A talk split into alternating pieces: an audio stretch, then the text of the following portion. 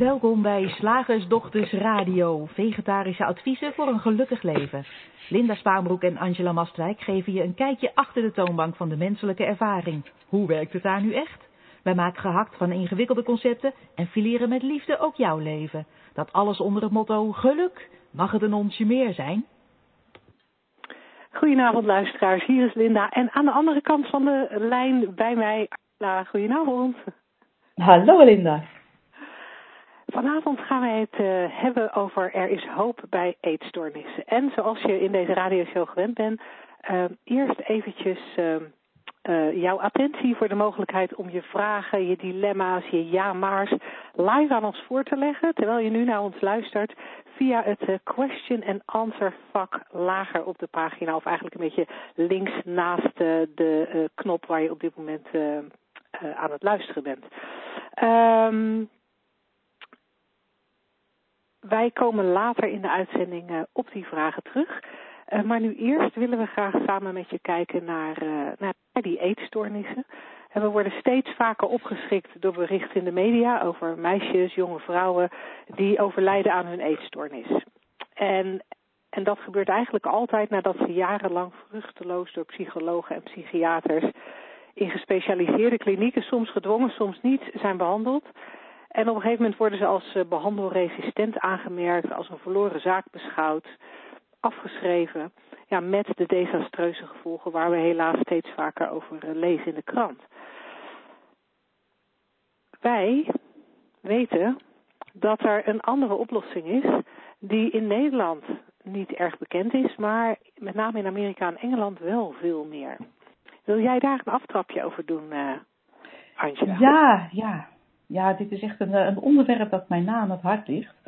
En uh, uh, omdat mijn zoon ook een eetstoornis heeft gehad en daar gelukkig heel goed van is hersteld. Maar ik spreek regelmatig met ouders met een kind die er nog middenin zitten.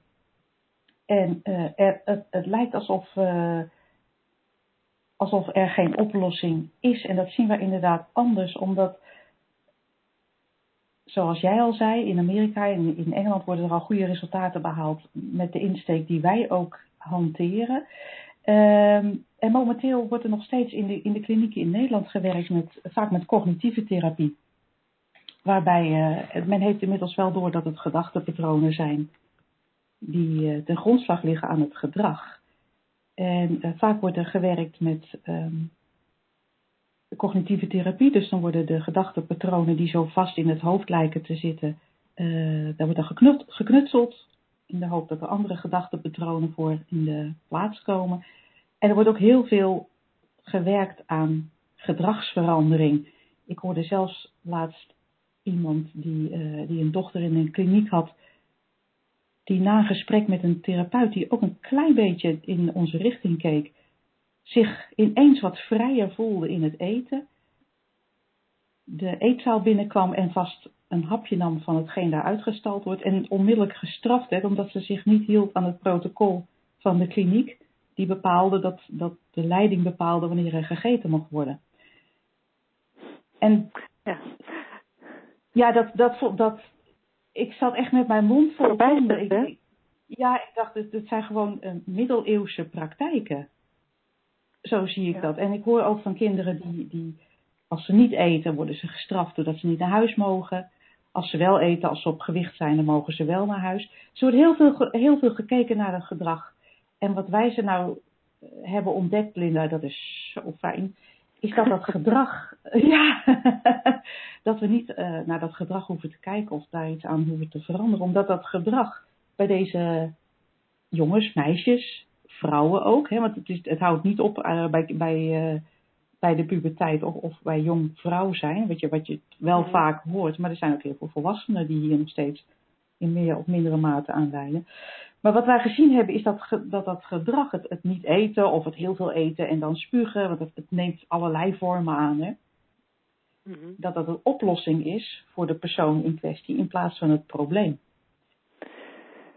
Ja, en dat is denk ik iets waar waar veel te weinig bij stilgestaan wordt. Dat het, ja. dat het, het, het kind, de jongere, de, de, de mensen in kwestie uh, een manier zoekt om uh, het leven te beheersen, uh, onaangename gevoelens um, onder controle te krijgen. En, en de reactie van deze persoon, van degene met een eetstoornis, op onprettige gevoelens is controle uit gaan oefenen over het controle uitoefenen over het eten door weinig te eten, zoals bij anorexia, of juist veel te eten, zoals bij binge eating. Um, welke vorm mensen kiezen is eigenlijk niet eens zo erg uh, maakt eigenlijk niet uit. Wat belangrijk is om de link te zien tussen er is een onprettig gevoel en, daar, en, en, en om dat onprettige gevoel te controleren, weg te krijgen, uh, doet iemand een, een, een poging, gaat iemand gedrag vertonen uh, in een poging dat onprettige gevoel weg te krijgen. En iemand met een eetstoornis doet dat door te eten, uh, maar, maar, maar we hebben allemaal zo onze trucjes om dat te doen. Ja. Ja. als, als, ik, als ik voel dat, uh, uh, ja, dat, dat, dat ik me bijvoorbeeld verdrietig voel zo, ja, dan ben ik geneigd om, om uh, ja, om te gaan schoonmaken. Of om uh, uh, met de hond naar het bos te gaan. Uh, ja. Of om een, een, een andere keer zet ik een, uh, zet ik een filmpje op of kijk ik een Netflix-serie. Weer een andere keer bel ik een vriendin. Dus ik heb ook, als ik zo'n zo'n onprettig gevoel heb van het verdriet, wil ik ook graag iets doen om dat gevoel weg te krijgen. Alleen omdat ik in dit, in dit voorbeeld steeds een, een, een, een, een andere tactiek gebruik, ontaart ja. het niet in een probleem. Op het moment dat iemand nee, steeds naar de drank grijpt, of steeds dat eten, mm -hmm. dan wordt het wel een probleem. Ja, inderdaad. Jij noemde zijn, uh, ja, nee, zijn natuurlijk ons, onschuldige tactieken die we allemaal hanteren. Maar het is wel heel belangrijk dat je dat vermeldt, zodat iedereen het ook bij zichzelf kan herkennen. Oh ja, ik zoek ook oplossingen voor ongemakkelijke gevoelens. Ik, ik ga eindeloos uh, checken of ik al een bericht heb op Facebook, of ik uh, ga eindeloos, weet ik veel, het nieuws kijken. Ja, iedereen heeft zo zijn, zijn eigen tactieken. Heel veel sporten. Ja. Dat was voor mij ja. altijd een, een en als je dat kunt herkennen, dan kan je bij iemand bij een eetstoornis natuurlijk ook zien.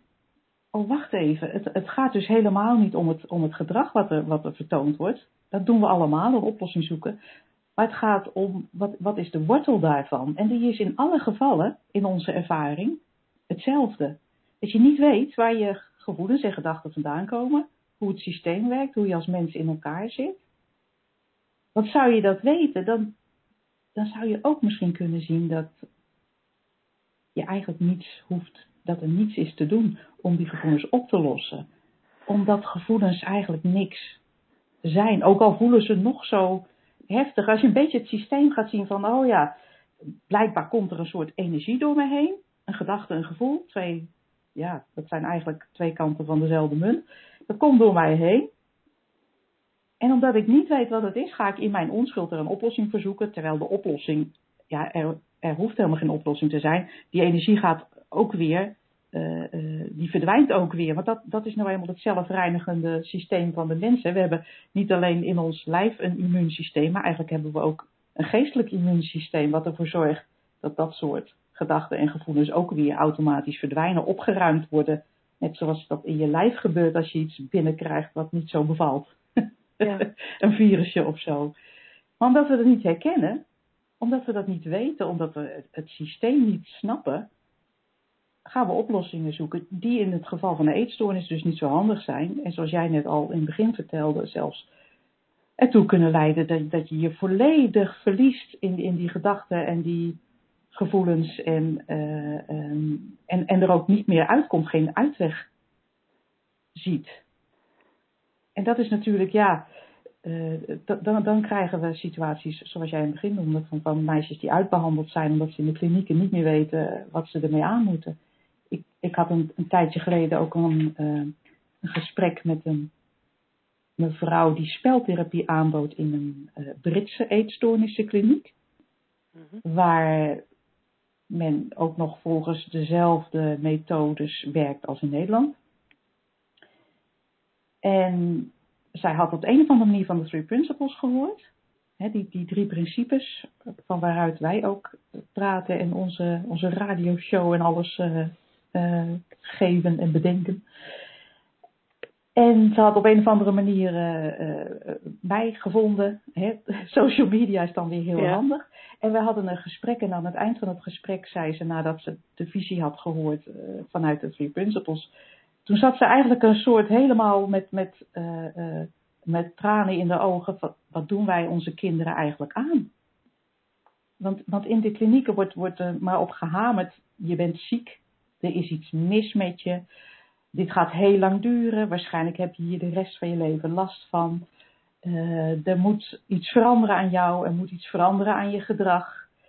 Ook zelfs, je doet je ouders hiermee verdriet. Dat vind ik ook altijd een hele pijnlijke als dat gecommuniceerd wordt. Ja, ja. En, ja, en, uh, en, en kijkend in de richting waar wij op kijken, alleen maar het systeem snappen van hoe je als mens in elkaar zit en daardoor, oh, eigenlijk al wat lucht te krijgen rondom die gedachten en gevoelens die je dan uh, ervaart die zo pijnlijk zijn, ja, is het allemaal een stuk makkelijker en een stuk uh, prettiger manier om van welke dwangmatige handeling je dan ook hebt af te komen. Ja, ja, en wat je even tussen neus en lippen uh, noemt vanuit jouw gesprek met deze speeltherapeut, is, uh, is iets wat ik wel heel, heel graag nog even heel specifiek in de schijnwerpers wil zetten. En ja. dat is het feit dat, dat wij in tegenstelling tot uh, wat er in, uh, in veel klinieken gebeurt, heel erg uitgaan van de heelheid van de mensen in kwestie. Ja. Ik ben alsmaar geneigd om te zeggen het kind in kwestie, maar dat klopt natuurlijk niet. Uh, van, van, van, de, van de persoon in kwestie.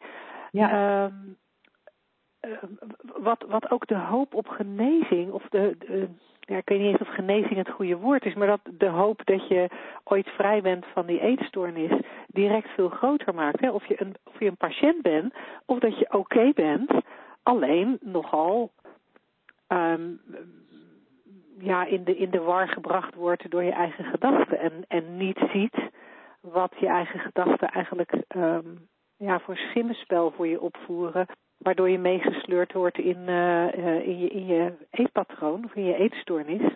Ja.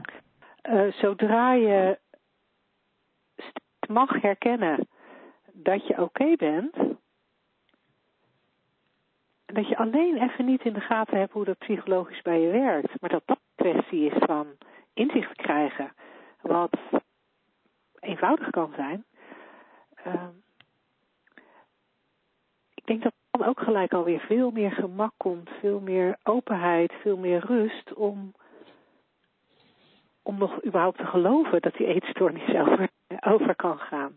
En ik denk dat ja. dat ook belangrijk is voor ouders. Want als je als ouder natuurlijk meekrijgt van, uh, ja, van de omgeving, van behandelaars, uit boeken, uit ervaringen van anderen.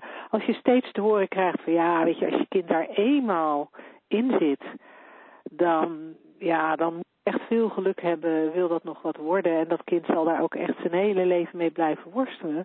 Dat is ook als ouders natuurlijk nogal een ding om mee te krijgen hè, en om mee te dealen. En als ja, jij als, ouders, als ouder ook mag zien, hé, hey, mijn kind is oké, okay, alleen gelooft het op dit moment iets wat het niet hoeft te geloven. Dan, dan uh, ja, denk ik dat je je daar als ouder ook veel vrijer in kan bewegen. Ja, dat je, dat je misschien ook in gaat zien dat je je eigen gedachten rondom het kind en rondom de eetstoornis uh, niet hoeft te geloven. Dat die niet zo vaststaan als dat jij denkt dat ze, ja. dat ze vaststaan. En dat is. Hey, zou jij, je ziet ook. Ja? Sorry. Zeg maar. Je ziet ook overal dat, het, uh, uh, dat er heel vast wordt geloofd in, in het concept dat het een strijd is tegen een stoornis. Dus een, een, een heftige strijd. Dat, dat, dat zie je overal. Tegen een soort monster wat in jou huist. Wat de eetstoornis is. Dat valt mij ook altijd op in gesprekken die ik, die, die ik hoor of, of die ik lees. Het lijkt alsof het een vast iets is. Een, een, een enorm monster waar je, ja, die je met, met te vuur en te, te zwaard moet bestrijden. Ja. En wat ik dan altijd moet denken is een vriendin van mij die zat een tijdje geleden in een soort proefvoorstelling van een, van een 3D-bioscoop. Waar je zo'n, zo'n, zo'n uh, uh, of nee, niet 3D, een, een virtual reality bioscoop zelfs. Okay. Waar je zo'n zo'n bril op kreeg. Het was, het was ja. echt een, een ex, experimentele voorstelling. Je kreeg een bril op en er werden er allerlei verschillende soorten films geprojecteerd in die bril. Hè, want er is natuurlijk geen scherm dan, maar dat wordt geprojecteerd in die, in die bril. Waardoor je midden in de beleving zat van, nou ja, het ene moment een natuurfilm, prachtig. En een andere moment uh, zat je midden in New York en, en liep je daardoor. En op een gegeven moment werd er ook een, een stukje horrorfilm geprojecteerd in die bril. En dat vond mijn vriendin zo eng dat ze dacht, ik zet even die bril af. ja, dit vind ik, want ja. er kwam een monster en, die, en die, die leek echt haar arm te gaan aanraken. En ze hoorde ook overal om zich heen gegil van andere mensen. en ze dacht, ik zet even die bril af, want, want dit vind ik gewoon niet, niet fijn. En toen dacht ik, ja, en zo is het natuurlijk ook. Je hebt dan niet de neiging, omdat je ergens weet, ik heb een virtual reality bril op, hoe, erg, hoe echt het ook lijkt je hebt dan niet het idee van, oh dat monster kom, komt op me af, ik pak een pistool uit mijn zak en ik ga schieten. ergens, ergens weet jij, ik zit hier in een bioscoop op een stoeltje, ik ben oké, ik ben helemaal heel. Alleen heb ik nu dus een bril op waardoor ik een monster zie. En ik kan die bril ook, nou ja, die, die, ik kan hem afzetten. Ja. Maar ik heb niet de neiging om hem dood te schieten, dat monster. Maar dat, en, en zo kan je natuurlijk ook al die, die gedachten die je hebt zien. Hè, want die, die zorgen ook voor een, voor een levensechte beleving. Hè, als ze in je bewustzijn eenmaal tevoorschijn zijn gekomen. Een levensechte beleving daarvan in jouw menselijke systeem, in jouw realiteit. Maar dat maakt het nog niet echt. En dat maakt het nog niet tot een te bestrijden iets. Want ik, ik schreef laatst ook een mail aan een of andere instantie die, uh, die het ook had over uh, de, de, strijd tegen eetstoornissen. Dus ik, ik denk dan, oh dat mag anders. Ik stuur een mailtje met, met mijn visie. En ik kreeg, ik kreeg een heel lief mailtje terug waarin stond wat fijn dat uw zoon de strijd tegen de eetstoornis heeft gewonnen. Ja. het schijnt heel moeilijk te zijn om dat idee los te laten. Hey, en, en, en nu je nu je even refereert aan, uh, aan de eetstoornis van jouw zoon en jouw eigen ervaring. Um, kan jij iets zeggen over uh, de rol van, uh, van, van ouders? Hoe jij de rol van ouders ja, in kan ik, ja. het kader van een eetstoornis? Ja, dat, dat is natuurlijk mijn, de ervaring die ik gehad heb. En vanaf het begin dat de, de eetstoornis zich openbaarde, dat het vast werd gesteld, dat het label werd geplakt, had ik al het idee, ik ik moet hier anders, ik moet hier anders in gaan staan dan men mij laat zien. Hè. Ik, ik ging op internet, ik kwam een wereld tegen van drama en verdriet en machteloosheid en, en boosheid ook en drama. Ik dacht, dit, dit, dit wordt mijn wereld niet. Ik moet een andere manier uh, zien te vinden. Daar ben ik een beetje zoekende in geweest destijds. Maar wat ik heel duidelijk zag, die, die, die zoektocht toen heeft me ook op het pad gezet, op het spoor van de Three Principles. Toen ik die ontdekte, dacht ik, oh, dat was het wat ik gedeeltelijk toen zag. Wat heel duidelijk was voor mij, dat, uh, dat ik een grote rol had hierin. En dat klinkt alsof ik schuldig was. Nou, zo zie ik het dan niet. Misschien dat anderen dat wel zo zien. Maar, maar niet als schuldig, maar wel dat ik verantwoordelijk was voor mijn uh, gedachten. of in ieder geval voor het doorzien van mijn gedachten. Heel, heel klein stom voorbeeldje. Dat ik me realiseerde op een gegeven moment dat ik wilde dat mijn zoon ophield met het dwangmatig gedrag. Hè, dat wilden we natuurlijk als ouder. Hou eens op met dat dwangmatige gedrag. En toen realiseerde ik me, wacht even, ik kijk nu dwangmatig naar hem. Eet hij al? Oh, ik moet eerst ophouden met mijn dwangmatige gedrag. En dat, en dat maakt het voor mij mogelijk om niet op zijn gedrag te letten. En zo stukje bij beetje kon ik steeds eigenlijk door naar binnen in mij te kijken. Dingen ontdekken, dingen inzien, inzichten krijgen. Waardoor ik zelf meer ontspannen werd, waardoor ik zelf uh, um, ruimte kreeg om, om, om, om dingen in mij te veranderen. Of eigenlijk gebeurde dat vanzelf.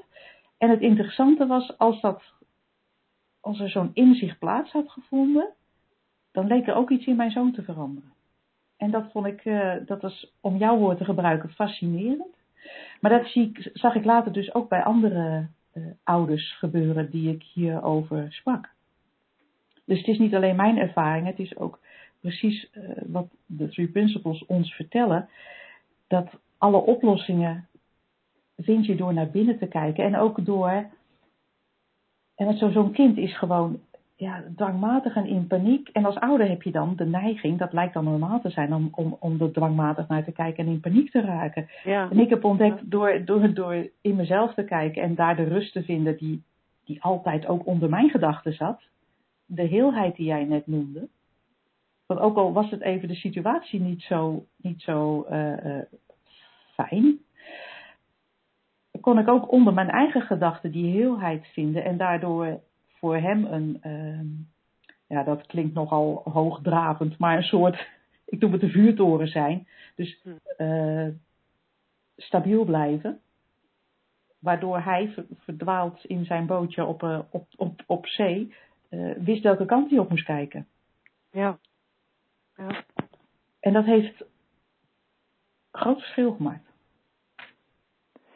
Ja, en wat ik, wat ik het, het mooie vind, even, even los van, van jouw eigen ervaring, dat, dat wij weten vanuit uh, Amerika en Engeland met name, um, dat, dat daar veel ervaring is met Ja. het oplossen van eetstoornissen, ook van andere psychische en psychiatrische aandoeningen, maar ook van, van eetstoornissen, door inzichten te krijgen in die drie principes. Ja, dat is Nou, inderdaad, daar hebben wij daar eh, heel veel eh, materiaal van gezien. En Ja. dat is heel, inspire heel inspirerend Heel en, inspirerend. En- heel hoopgevend. En dat willen wij voor Nederland ook. dat willen Ja. wij voor Nederland ook. Dat, is zo, dat is ook de reden dat we een, eh, een online training ontwikkeld hebben, speciaal voor ouders van kinderen met een eetstoornis. En ehm, later komt er ook nog een, ehm, ehm, een online training specifiek voor de mensen met de eetstoornis zelf. Maar wij zijn begonnen bij een eh, online training voor ouders. En eh, mocht jij een ouder zijn of een ouder kennen die, die, die op zoek is naar een oplossing en die open staat voor een, eh, ja, om, om eens in een andere richting te kijken, eh, dan zou ik je willen vragen om eh, zelf of die ander te verwijzen naar onze website, waar je onder online training de, eh, de training vindt anders omgaan met eetstoornissen. Wij zijn ervan overtuigd dat het een heel groot verschil kan maken voor jou en voor je kind. Ehm, dus dat is er. en nu hopen wij dat Nederland er klaar voor is. Ja, dat zou fijn zijn. Ehm, had jij nog iets eh, waarvan je zegt dat, dat dat wil ik als het gaat om eetstoornissen toch nog even deze radio-uitzending kwijt? Of zit alles in onze online training en hebben wij voor nu gezegd wat er te zeggen valt? Ja, er is, er is eigenlijk zoveel te zeggen, Linda. Ik kan hier uren over, over kletsen. Maar Ja. ik ben, ja, ik, ik ben zo blij dat ik eh, eh, daadwerkelijk heb kunnen zien en dat hoe het, waar de wortel van het probleem ligt. En dat daar ook de oplossing eh, voorhanden is. En dat, dat zou ik iedereen gunnen. Wa- wa- te beginnen met wat meer ontspanning rondom het onderwerp. Oké. Nou, dan houden we het daarbij voor vanavond. Dankjewel. Ja. En dan eh, gaan we over naar de Slagersdochters, wat zit er in de leverworst? Oftewel, tijd voor wat wetenschap. Ja, en ook hier weer hoopvolle berichten. Het is, het is de radio Het is de avond van de hoop. Ja, vol optimisme zijn we vanavond. Eh, wat ik tegenkwam, en ik zal straks vertellen waarom ik dat eh, graag met jullie wilde delen, is ehm, er is ontdekt dat er rupsen zijn die plastic op kunnen eten. En Wow. dat is natuurlijk een fantastisch bericht als het gaat om eh, het probleem van plastic afval. En het gaat om de larven van de Galeria mellonella, als ik het goed, als ik het goed uitspreek. Dat klinkt als een, als een Italiaans liedje. In Nederlands de grote wasmot. Nou, wat doen die, wat doen die, die, die, eh, die larven, die rupsen? Die grote wasmotten die leggen hun eitjes in de bijenwas, die in bijenkorven te vinden is. En als die larven uit de eitjes komen, dan doen ze zich te goed aan bijenwas. Vandaar natuurlijk ook die naam de grote wasmot. Maar ze kunnen dat dus, eh, ze zijn niet alleen heel goed in het opbreken van die bijenwas, ze weten ook raad met plastic. En eh, tot die conclusie zijn onderzoekers gekomen. Ze hebben een, eh, een studie gepubliceerd in het blad Currents Biology. Over, eh, over de moderne biologie, de nieuwste ontdekkingen daarin. En eh, onderzoeker Federica Bertaccini, klinkt prachtig Italiaans, die heeft dus uh, daarin geschreven over deze ontdekking. De Galleria Melonella, die kan polyethyleen afbreken. En dat is dan een van de meest hardnekkige en meest gebruikte plastics waarover men nogal met de handen in het haar zat, tot nu toe dan blijkbaar. En wat het grappige is, dat uh, mevrouw Bertoncini, dokter Bertoncini moet ik zeggen, uh, die bijzondere kwaliteit van de rupsen volledig bij toeval op het spoor kwam. Want uh, ze had dus larven in, van die larven in haar bijenkorven en ze dacht, daar moet ik vanaf. Dus ze haalde ze uit haar bijenkorven. En ze dacht, nou wat moet ik daarmee? Ze wilde ze niet doodmaken. Nou, ik stop ze even tijdelijk allemaal in een plastic, in een plastic zakje. Ja. en na een tijdje dacht ze, oh ja, die larven zitten nog in een plastic zakje. Uh, nou, die hadden voor zichzelf gezorgd, want die plastic tasjes die zaten dus vol met gaten. En daar hadden de larven zich doorheen gegeten. Dus dat, nou, dat zette haar uh, aan, het, uh, aan het denken en haar mede-onderzoekers, wetenschappers ook. En dus naar aanleiding van dit voorval zetten ze met enkele collega's een experiment op. Ze verzamelden honderd, 100 larven en schotelden, schotelden deze een plastic tasje uit de supermarkt voor. En uh, nou, 40 minuten later begonnen er al gaten in het tasje te vallen. En na 12 uur hadden die larven zo'n 92 milligram plastic verorberd. En dat is vrij indrukwekkend. Dat die larven zo snel korte metten kunnen maken met plastic. Zeker als je bedenkt dat het normaal gesproken tientallen jaren duurt voordat dit soort plastic op natuurlijke wijze is afgebroken. Nou, die onderzoekers hebben nog niet, proces, nog niet precies ontdekt hoe ze het doen, die wasmotten, wat het proces in die mot zelf is. Maar uh, ja, ze zoeken het, uh, het verband met het feit dat ze normaal gesproken dus die bijenwas eten. En daar zit, daar zitten ook een soort bouwblokken in die die vereisen dat ze in hun lijf chemische verbindingen hebben die die, die, die was afbreken. En die, die zorgen dus blijkbaar, dat is, dat is het vermoeden, dat is het opzet van het volgende onderzoek, dat ook daardoor plastic afge, afgebroken wordt. Want uh, was, hè, bijenwas, wat ze normaal eten, is ook polymeer, een natuurlijk soort plastic. En uh, nou, ze zijn nu aan het kijken, zit het nou in de speeksel, speekselklieren of, of zit het in die rupsen zelf? Daar is nog verder onderzoek voor nodig. Maar het is natuurlijk wel een heel hoopvol bericht. Naast het uh, feit dat zo'n Nederlandse student nu uh, op de oceanen bezig is om plastic op te ruimen. Dat we in ieder geval ook een, een, een andere, een hele natuurlijke manier hebben om deze troep op te, op te ruimen. En, en waarom ik dit eigenlijk wilde delen, dat was de, door de manier waarop dit ontdekt is. Dat houdt voor mij verband ook met de drie principes waar wij over vertellen. Wij zeggen ook altijd als je een probleem hebt en je zou de berg plastic in de wereld best als een probleem kunnen beschouwen, dan helpt het niet om daar eindeloos over na te denken, om een oplossing te vinden. Vaak juist in de rust.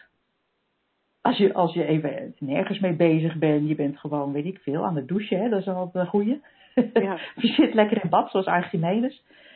En, en je hebt het hele probleem losgelaten, dan, dan komt er vanzelf een oplossing. En ik vond dit ook zo'n mooi voorbeeld van hoe oplossingen eigenlijk altijd al voorhanden zijn. En dat je er niet naar op zoek hoeft. Sterker nog, het feit dat je er naar op zoek bent, want we zijn met z'n allen al heel lang op zoek naar een oplossing voor de plastic natuurlijk, uh, maakt juist dat je de oplossing niet ziet. En, en deze onderzoeker was nergens naar op zoek, tenminste niet in dit opzicht. Nee. Die, had, dit, die deed hele andere onderzoeken. En, en dit kreeg zij op een presenteerblaadje aangeboden, waardoor ineens uh, ja, een wereld van mogelijkheden openging. En hetzelfde gebeurt natuurlijk bij bijvoorbeeld Archimedes, die in bad ineens een, een probleem oploste waar hij al maanden zich aan het over uh, zijn hoofd aan het overbreken was. En hij zat in bad en ineens Eureka, dat is de ja. oplossing. en van Einstein wordt ook gezegd van, dat, hij, dat, dat hij nooit nadacht over een probleem, omdat hij wist dat, dat oplossingen altijd voorbij je denken liggen.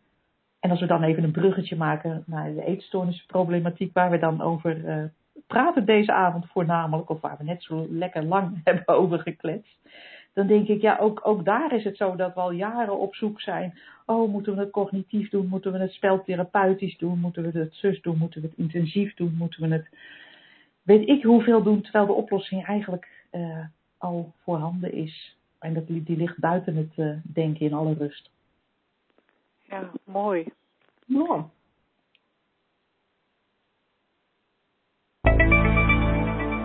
Zeg, slagersdochters, hoe bak ik die vegaburger? Over naar de luisteraarsvraag. Ik heb er een op de mail. Ja. Ik moet wel even kijken of hier ook een vraag binnen is Ja, je gekomen. weet het niet, hè? Ja. ehm, Oh. de- zullen we die eerst even, want die, eh, die, die eh, past heel erg bij het onderwerp van vanavond. Ehm, Erik vraagt, eh, hoe belangrijk is aandacht voor de achterliggende problematiek bij de behandeling van een eetstoornis? Ja, ik, ik zou bijna geneigd zijn heel kort door de bocht te gaan en te zeggen niet. Ja, ik ook. Ja, ja, ja. Eh, maar dat vraagt wel om wat uitleg. Ja, tuurlijk. Ja, ja, ja, ja, ja. Nou, graven in, het, eh, in, het, in, in, in problematiek, zoals je net misschien ook gehoord hebt in het verhaaltje wat ik over de wetenschap vertelde, eh, is, is, is in onze ervaring niet zo nuttig. Het brein is namelijk zo creatief dat hij allerlei eh, problemen kan opduikelen uit het verleden of uit ja, overtuigingen. We kunnen van alles verzinnen om, om aan te werken. Maar wat ik van, heb alles, gezien, van, alles, ja, van alles toewijzen als oorzaak van. ja, ook dat, hè? Dat, dat Ja. is eh, goed dat je dat zegt, Linda. Want eh, bijvoorbeeld, stel dat je een oorzaak vindt, oh, dit is, dit is de, eh, eh, de achterliggende oorzaak van mijn eetprobleem.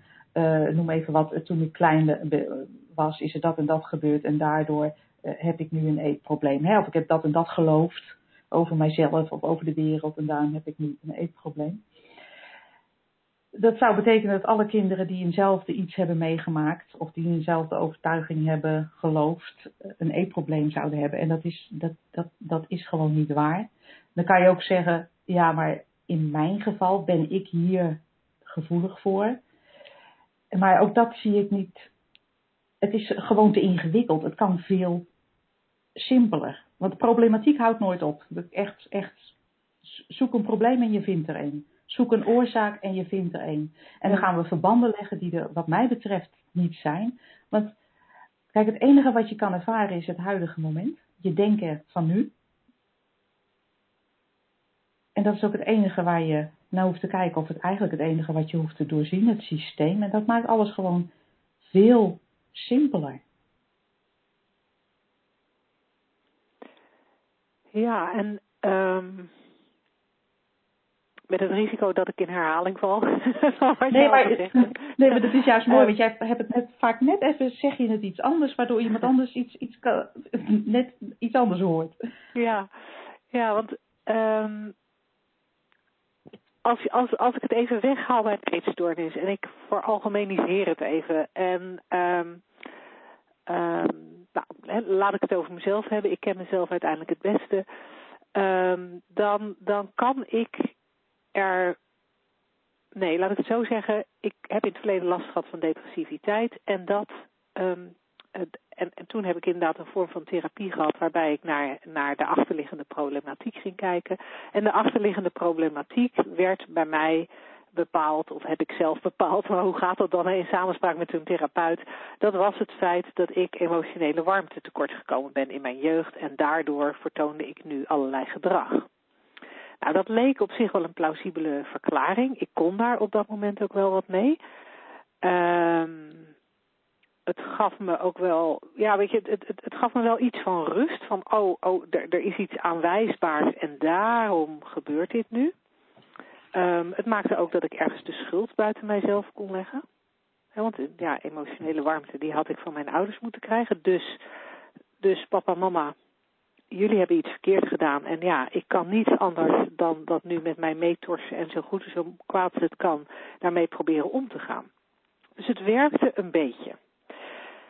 Wat ik gemerkt heb sinds ik in de richting van de drie principes kijk en ik in zijn algemeenheid snap hoe wij psychologisch in elkaar zitten, in zijn algemeenheid zie hoe wij onze realiteit creëren, ehm, heb ik eigenlijk nooit meer nagedacht over die emotionele warmte.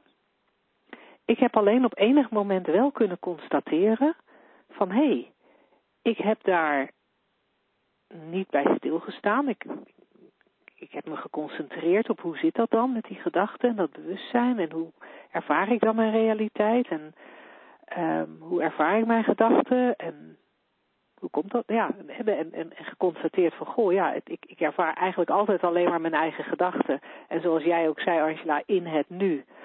Uh, dus als ik, als ik een herinnering heb van vroeger, ja, dan is dat eigenlijk een gedachte uit het verleden die ik van meeneem naar het nu. En dan ga ik hem nu, ga ik hem nu zitten denken en zitten voelen. Ik heb dat systeem voor een deel doorzien. Ik wil niet dat ik het helemaal doorzien, maar voor een deel doorzien. En, en dat hele verhaal van die emotionele warmte is weggevallen. Ik kan het nu nog wel vertellen, zoals je hoort, maar ik voel er helemaal niks meer bij.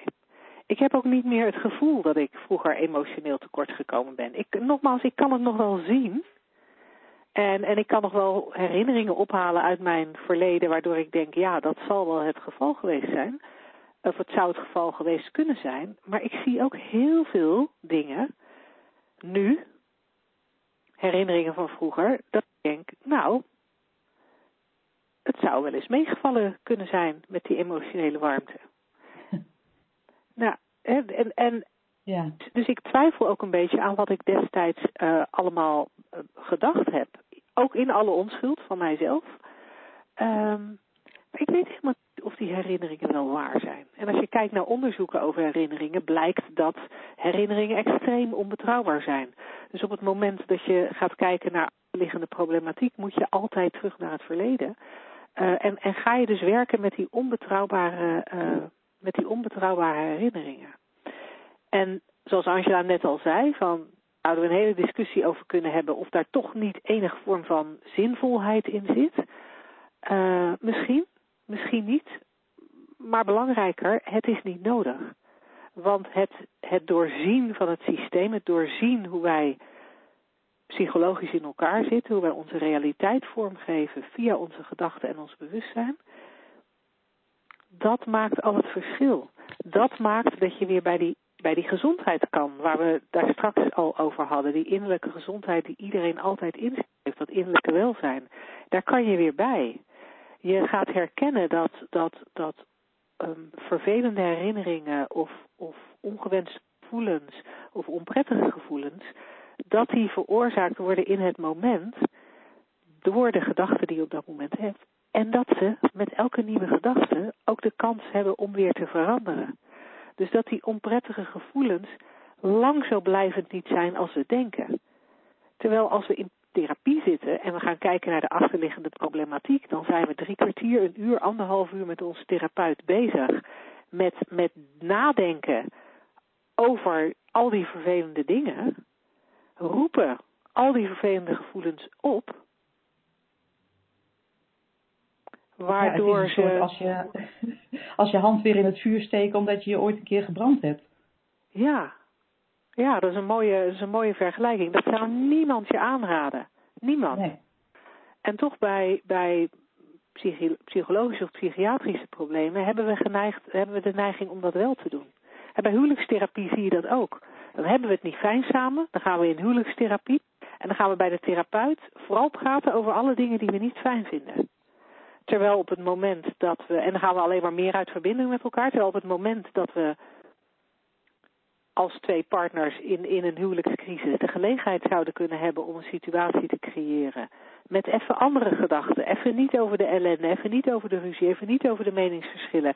Maar juist gewoon met elkaar in het moment zijn. Dan komt die verbinding weer terug. En, en, en dat geldt wat mij betreft voor um, achterliggende problematiek bij eetstoornissen net zo. Als je in het nu kunt blijven, en kunt herkennen dat een gedachte zo weer weg is, dat een onprettig gevoel echt verdwijnt, dan komt er zo'n vrijheid en opening en ja, dan denk ik dat er een echte oplossing is. Ja, dat is mooi, heel mooi gezegd. En die enkele keer dat er dan misschien toch nog ergens een haakje zit waarvan je denkt, nou daar wil ik echt even dieper naar kijken, daar wil ik toch echt even een inzicht over hebben. Dat kan hè. Ja. Um, maar dat is dan eerder uitzondering dan regel. Ja, en vaak wordt dat ook een soort vanzelf wel gezien. Oh, dan ga je zelf ineens zien. Oh, dat, oh, wacht even. Dat, uh, dat doe ik blijkbaar om, uh, uh, omdat ik iets over mezelf geloof. Wat, oh ja. ja. Vaak wordt dat, als je helemaal, helemaal in de richting van de principles kijkt en ziet hoe het systeem in elkaar werkt, worden er heel veel, in mijn ervaring dan heel en Linda, ik weet dat dat bij jou ook zo is, heel veel dingen ook vanzelf duidelijk. En misschien dat de, de vraag die zojuist binnenkwam hè, over uh, achterliggende problematiek ook een, beetje duidt op wat ik vaak hoor zeggen door ouders van kinderen met een eetstoornis. Ja, er is nu ontdekt dat hij of zij uh, ook, ontdekt in therapie, door, ook um, een ander um, probleem heeft. Bijvoorbeeld ja, een vorm van autisme of een vorm van, nou ja, noem maar een ander label. En dan denk ik, ja, dan gaan we dus weer kijken naar een vorm van gedrag. Daar een label op plakken en, en dat problematiek noemen. Maar dan, dan zit je nog steeds te roeren in het, in het, in het gedrag en in de, in de labels. Waar wij zeggen, maak een 180 graden draai en zie dat je kind gewoon helemaal gezond is. Al ziet het er nu even niet zo uit. Hè? Want ik, ik, ik snap heel erg dat het, er, dat het er niet zo uitziet op dit moment. Maar het is wel de kern van, van, je, van je kind, de, de, de, de essentie, om het zo maar even te noemen. En het is vele malen effectiever om daarnaar te kijken dan om in gesprek te gaan met de stoornis, zoals ik het dan noem. Dus, dus om, om de, de gedachten te gaan weerleggen die geuit worden, of het gedrag te gaan corrigeren, wat, ja. uh, wat zich openbaart. Ja, want dat is natuurlijk iets wat iedereen die ooit met iemand met een eetstoornis te maken heeft gehad, weet. Je kan, je kan tegen iemand gaan vertellen met anorexia, maar lieverd, je bent niet te dik. ja. ja, dat kan, je, dat kan je waarschijnlijk een, een jaar eh, lang vertellen, maar of het ja. binnenkomt weet ik niet. Ja, en dat is, dat is voor mij ook een, ook een, een, een, een onderdeel van met, met, de, e, met de stoornis in gesprek gaan. Daarom moest ik ja. eigenlijk aan denken. Ja, ja inderdaad. Dat, eh, dat, is ook een soort. Uh, dat, dat wijst, wijst ook in de richting van het feit dat, dat omdenken of positieve benadering niet werkt. Als jij niet weet hoe je gedachten werken en je gevoelens, ja, dan kan iemand tegen jou nog honderd keer zeggen van nee, maar je bent oké okay, hoor. Dan, hè? Ja. dat, dat geloof je echt niet.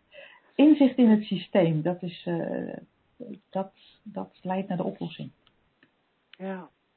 Mooi, dankjewel uh, Erik voor je vraag. Uh, mocht je nog een vervolgvraag hebben, dan horen we die uiteraard graag van je.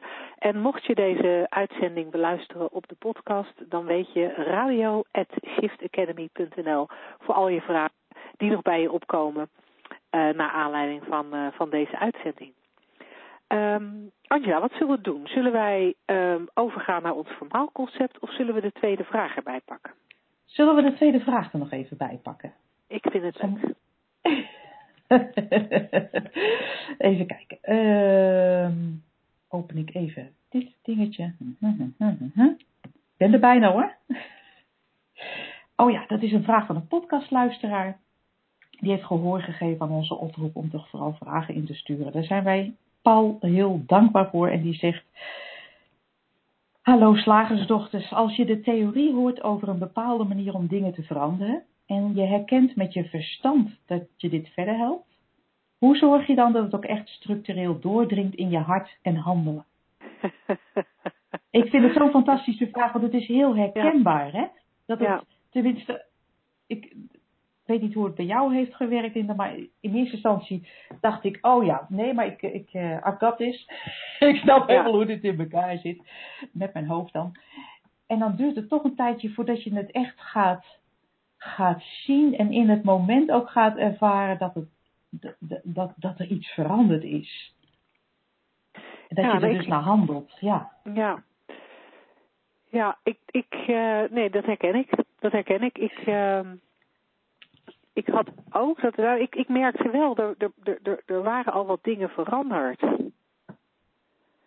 Mm, maar die kon, daar, daar, daar kon ik niet echt goed mijn opleggen. Mm -hmm. Ik op de een of andere manier voelde ik me minder gestrest. Ja.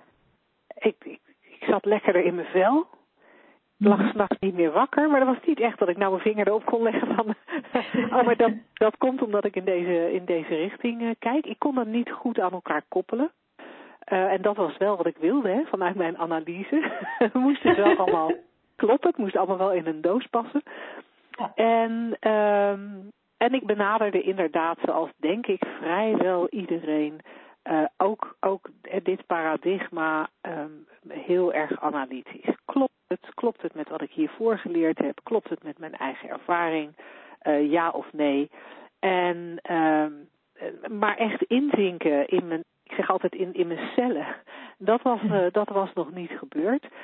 Um, en wat, wat bij mij daar heel veel, heel erg bij geholpen heeft, is ja, het, het gesprek. Zeg maar het gesprek door um, ja, nee, het, het gesprek door trainingen ja. te wonen, door coachinggesprekken met mensen te hebben, uh, online trainingen te volgen, uh, live trainingen te volgen. Uh, dat heeft bij mij voor gezorgd dat, dat het langzaamaan steeds verder inzakte en ik, en ik uit die analyse kon komen.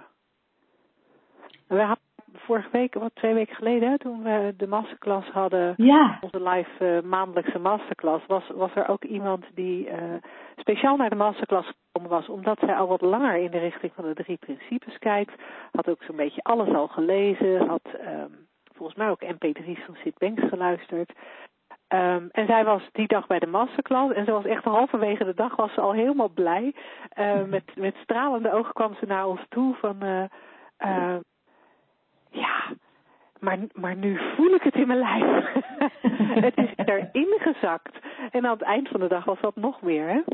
Ja, ja, dat is heel mooi om te zien. En ik dacht daar ook gelijk aan uh, toen we deze vraag binnenkregen. Dat ja, dat, dat, dat kan je ook zien gebeuren. En het is wel een beetje onvoorspelbaar ook welk inzicht je gaat krijgen. Hè? Want dit is, dit is, het systeem werkt maar één kant op. En het is met je hoofd te begrijpen, maar daar heb je op zich, dan is het een goed idee. Zoals er meer ja. goede ideeën in de wereld zijn. de wereld ja. past van de goede ideeën. Maar zodra je zelf ook maar een heel klein, ja, als een, als er een basje ontstaat in de belevingsbril, noem ik dat. Als je ook maar een heel klein beetje ziet voor jezelf, met een voor jou uniek inzicht. Oh, zo werkt het. Oh, dit is het. En, en, dat, en dat, dat, dat voel je echt in jezelf, vind ik een mooie uitdrukking, Linda. ja. dan, dan, dan kan je eigenlijk ook al niet meer, niet meer terug, hè? want je kan, je kan dit niet meer vergeten. Ja, je kan wel eens ja. afgeleid worden door, door zo'n gedachtentrein waar je dan opstapt die nooit ergens heen gaat. Maar ergens is er toch dan de wetenschap dit is niet uh, de kant die ik op moet kijken, die ik op moet gaan. Uh, er is iets anders te zien hier. Ja, ja wat ik, wat ik het mooie vind, als je, als je zo'n inzicht krijgt, wat zoals jij al aangaf, uniek is voor jouzelf. Um, als het een echt inzicht is, als het niet alleen een analytisch idee is, maar echt een inzicht, dan, dan, dan voel je een soort shift in jezelf. En, en dat is ook de hele reden waarom wij ons bedrijf Shift Academy hebben genoemd. Ja. Omdat, dat is, omdat dat het is waar het om gaat. Van die kleine en grote shifts uh, in jezelf, waardoor er eigenlijk niks verandert, maar alles anders is. Ja. En dat dat kan heel subtiel zijn. Dat kan iets, dat kan een inzicht zijn dat als je het aan je partner vertelt, dat hij naar je kijkt en denkt, ja, maar dan is ik wel. Voor jou is, het, is, is, is dat het.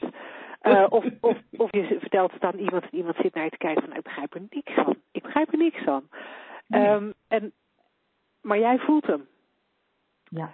En, uh, en, en ja, en dan ben je, dan ben je uit die analyse. Dus om jouw antwoord nog maar te herhalen, denk ik. Ik denk dat ik je antwoord herhaal, Angela. Uh, aan, aan ons vraagsteller. Uh, blijf kijken. Ja. En niet op een analytische manier, maar gewoon in alle rust. Er valt hier iets ja. te zien. Ja. Nieuwsgierig zijn naar. Ja. En, er kunnen mooie dingen uit voortkomen. er kunnen helemaal uit voortkomen. Ja, en, en, en wat ik nog heel even wilde toevoegen, wat ik al vaker heb gezegd in deze radioshow. En, en wat we eigenlijk bij onze trainingen ook heel vaak zeggen. Um, het kan in het begin ook helpen om te kijken naar andere mensen. Of je het bij andere mensen ziet werken. Oh ja, ja. Uh, want dat is soms makkelijker dan bij jezelf. En dan niet om aan die anderen te gaan zitten sleutelen of om ze, gaan, om ze uit te gaan leggen wat er bij hun gebeurt. Alleen maar voor jezelf. Om te observeren. Oh ja. Oh ja. Ik zie het gebeuren. Ik zie het werken. Ja. En dan gaan de dominostenen bij jou zelf vanzelf uh, vallen. Kan niet anders. Kan niet anders. Woensdag, gehaktdag. Zeg slagersdochters, welk concept gaat er vandaag door de molen? Oh, dit is toch zo'n leuke? het concept is namelijk, ik heb wel een beetje houvast nodig. Dat vind ja, dat ik zegt zo... mijn man ook wel eens, maar in een heel andere context. of je iets meer wil eten, Linda.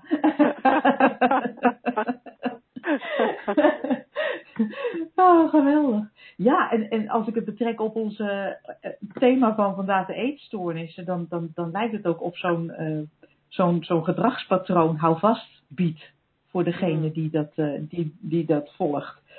Terwijl je natuurlijk ja, je vastklampt aan een, aan een illusie. Heel interessant is dat om te zien.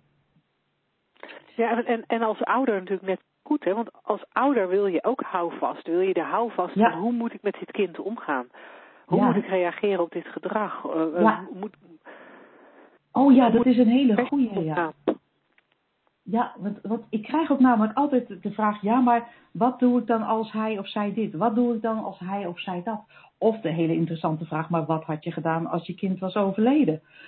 Ja. En het, het mooie van eh, waar wij over praten, de, de, de drie principes, het inzicht in het systeem van de menselijke ervaring, als je dat een beetje doorkrijgt, als je ziet hoe dat, hoe dat werkt, dan heb je eigenlijk geen houvast nodig voor toekomstige gebeurtenissen, omdat gezien zou kunnen worden dat je in elk moment eigenlijk wel toegang hebt tot de wijsheid in jou, tot die helderheid in jou, tot die rust, van waaruit je vanzelf uh, handelt als dat al nodig is. Uh, iets zegt, en dat kan iets totaal onverwachts zijn, wat nuttig is voor alle partijen. Dat je een respons hebt in plaats van een vooraf bedachte reactie. Oh ja, als hij of zij dit doet, dan moet ik dat doen of dan moet ik dat zeggen. Maar de realiteit is, die voldoet nooit aan onze verwacht, verwachtingen. Er gebeurt altijd net even iets anders. Oh, en dan? Dan moet je even in je handboek kijken, wat moet ik nu doen? Of wat heeft Angela of Linda gezegd dat ik moet doen in dit geval? Nou, gelukkig ja. werkt het bij de drie principles veel eenvoudiger. Namelijk, als je snapt hoe het werkt, krijg je de gelegenheid om eigenlijk, ja, er ontstaat een soort ruimte in jezelf, waardoor, waardoor je uh, dat Eureka-moment vaker hebt en, en dat je er makkelijker bij kan. En natuurlijker handelt. Eigenlijk gewoon weet wat je, wat je moet doen. Ook al uh, gebeurt er iets onverwacht of uh, omdat je snapt dat je niet op zo'n gedachtentrein hoeft te stappen, ook al doe je het wel eens. Maar ja, inzicht in het systeem helpt enorm bij het bewaren van je balans. En, en in balans weet je altijd wat je doen moet. Is dat een beetje ja. helder? Ja, dat is hartstikke helder. En um, wat ik er graag nog aan wilde toevoegen is dat houvast op zich een, een illusie is. Hè? Als, we, ja. als we het nou hebben over het vermalen van een concept. ja, dat is een goeie. dan is houvast een prachtig concept. Het is alleen ontzettend jammer dat het totaal niet bestaat. En, en het is misschien een beetje deprimerend en hard om te zeggen, zo even aan het eind van deze radioshow. Maar er is geen houvast in het leven. En dan kunnen we wel proberen het te zoeken. Ben ik zelf jarenlang mee bezig geweest. Ja. Um, maar dan, dan ben je eigenlijk aan, aan, aan het streven naar die pot goud aan het eind van de regenboog, waarvan we ook allemaal weten dat die er niet is. Dan ben je op naar de Fata Morgana, die als je erbij in de buurt komt ineens verdwijnt. Hou, hou vast is er gewoon niet. En, en die we zouden hem allemaal wel eens willen, omdat hij de illusie van, uh, van rust geeft. En we doen Ja. natuurlijk heel erg ons best om houvast te zoeken in dingen. In mensen, in geld, in huizen, in ideeën. Ehm, In gedragspatronen. in gedragspatronen. Maar houvast is echt iets wat, wat er in ieder geval in figuurlijke zin niet is. In letterlijke zin kun je natuurlijk op het moment dat je op een boot staat en het stormt, eh, kun je je prima vasthouden aan de mast en dan heb je even houvast. Eh, maar in, in, in figuurlijke zin eh, is hij er niet. Nee. En dan kan je zeggen dat is, dat is, een, dat is een beetje eng. Zoals het, ik, ik kom er maar steeds weer op terug omdat het ons thema van de avond is en het mijn stokpaardje is. dan zou je kunnen zeggen zonder houvast. Dus zonder bijvoorbeeld eh, eh, dat, dat gedrag wat ik al een jaar vertoon door heel weinig te eten. Ik noem maar wat. Wat mij een soort veilig gevoel geeft en houvast geeft. Controle op het, op, op het leven, schijnbaar. Ja, als ik dat loslaat, wat gebeurt er dan? Als ik geen houvast meer heb. En dan is het toch prettig om te weten dat houvast eigenlijk helemaal nooit bestaat. Maar dat er, als je dat inziet, eigenlijk eh, dat dat, dat niet eng is, maar dat daar eh, vrijheid in zit. Ja, Vrijheid om te spelen. Ik, ik zie ook echt zo voor me, ja, je zit in die rollercoaster, je gaat naar beneden, handjes in de lucht en gillen. ja. maar maar Ja. Je bent oké als mens. Ja, je zit heel erg goed vast in die rollercoaster. Ook Ja. al lijkt dat soms niet, niet zo te zijn. Maar in werkelijkheid zit je echt heel goed vast. Ehm, en, kan, en kan je het hebben. Die eh, enorme duikvlucht naar beneden. Ja, ja want, want, want die, die essentie, wat, die heelheid die in je zit, die kan nooit beschadigd raken. En dus je hebt ook in de buitenwereld geen houvast nodig. In gedrag geen houvast nodig. In tips geen houvast nodig. Eh, dus leeg die boekenkast. Ruimt lekker op. Zei de vrouw met haar volle kindel. ja. Oh, geweldig. Ja, en ehm ja, vrijheid. Dat is het. Heerlijke vrijheid. Ja, Cool. hou Nou, vast vermalen. Ja, heel erg vermalen. Eh, daarmee, luisteraars, zijn wij aan het eind van onze uitzending geweest. Eh, zoals je weet ben je natuurlijk altijd van harte welkom om eh, je vragen voor onze volgende radioshow te stellen via radio.shiftacademy.nl. Eh, je maakt ons er erg blij mee en als het goed is helpt het jou ook om net weer een beetje nieuw inzicht te krijgen in de situatie waar je op dit moment eh, in verkeert. En meer inzicht in de drie principes. En eh, wij zeggen, nou, heel veel plezier eh, deze week en graag tot volgende week. Tot dan.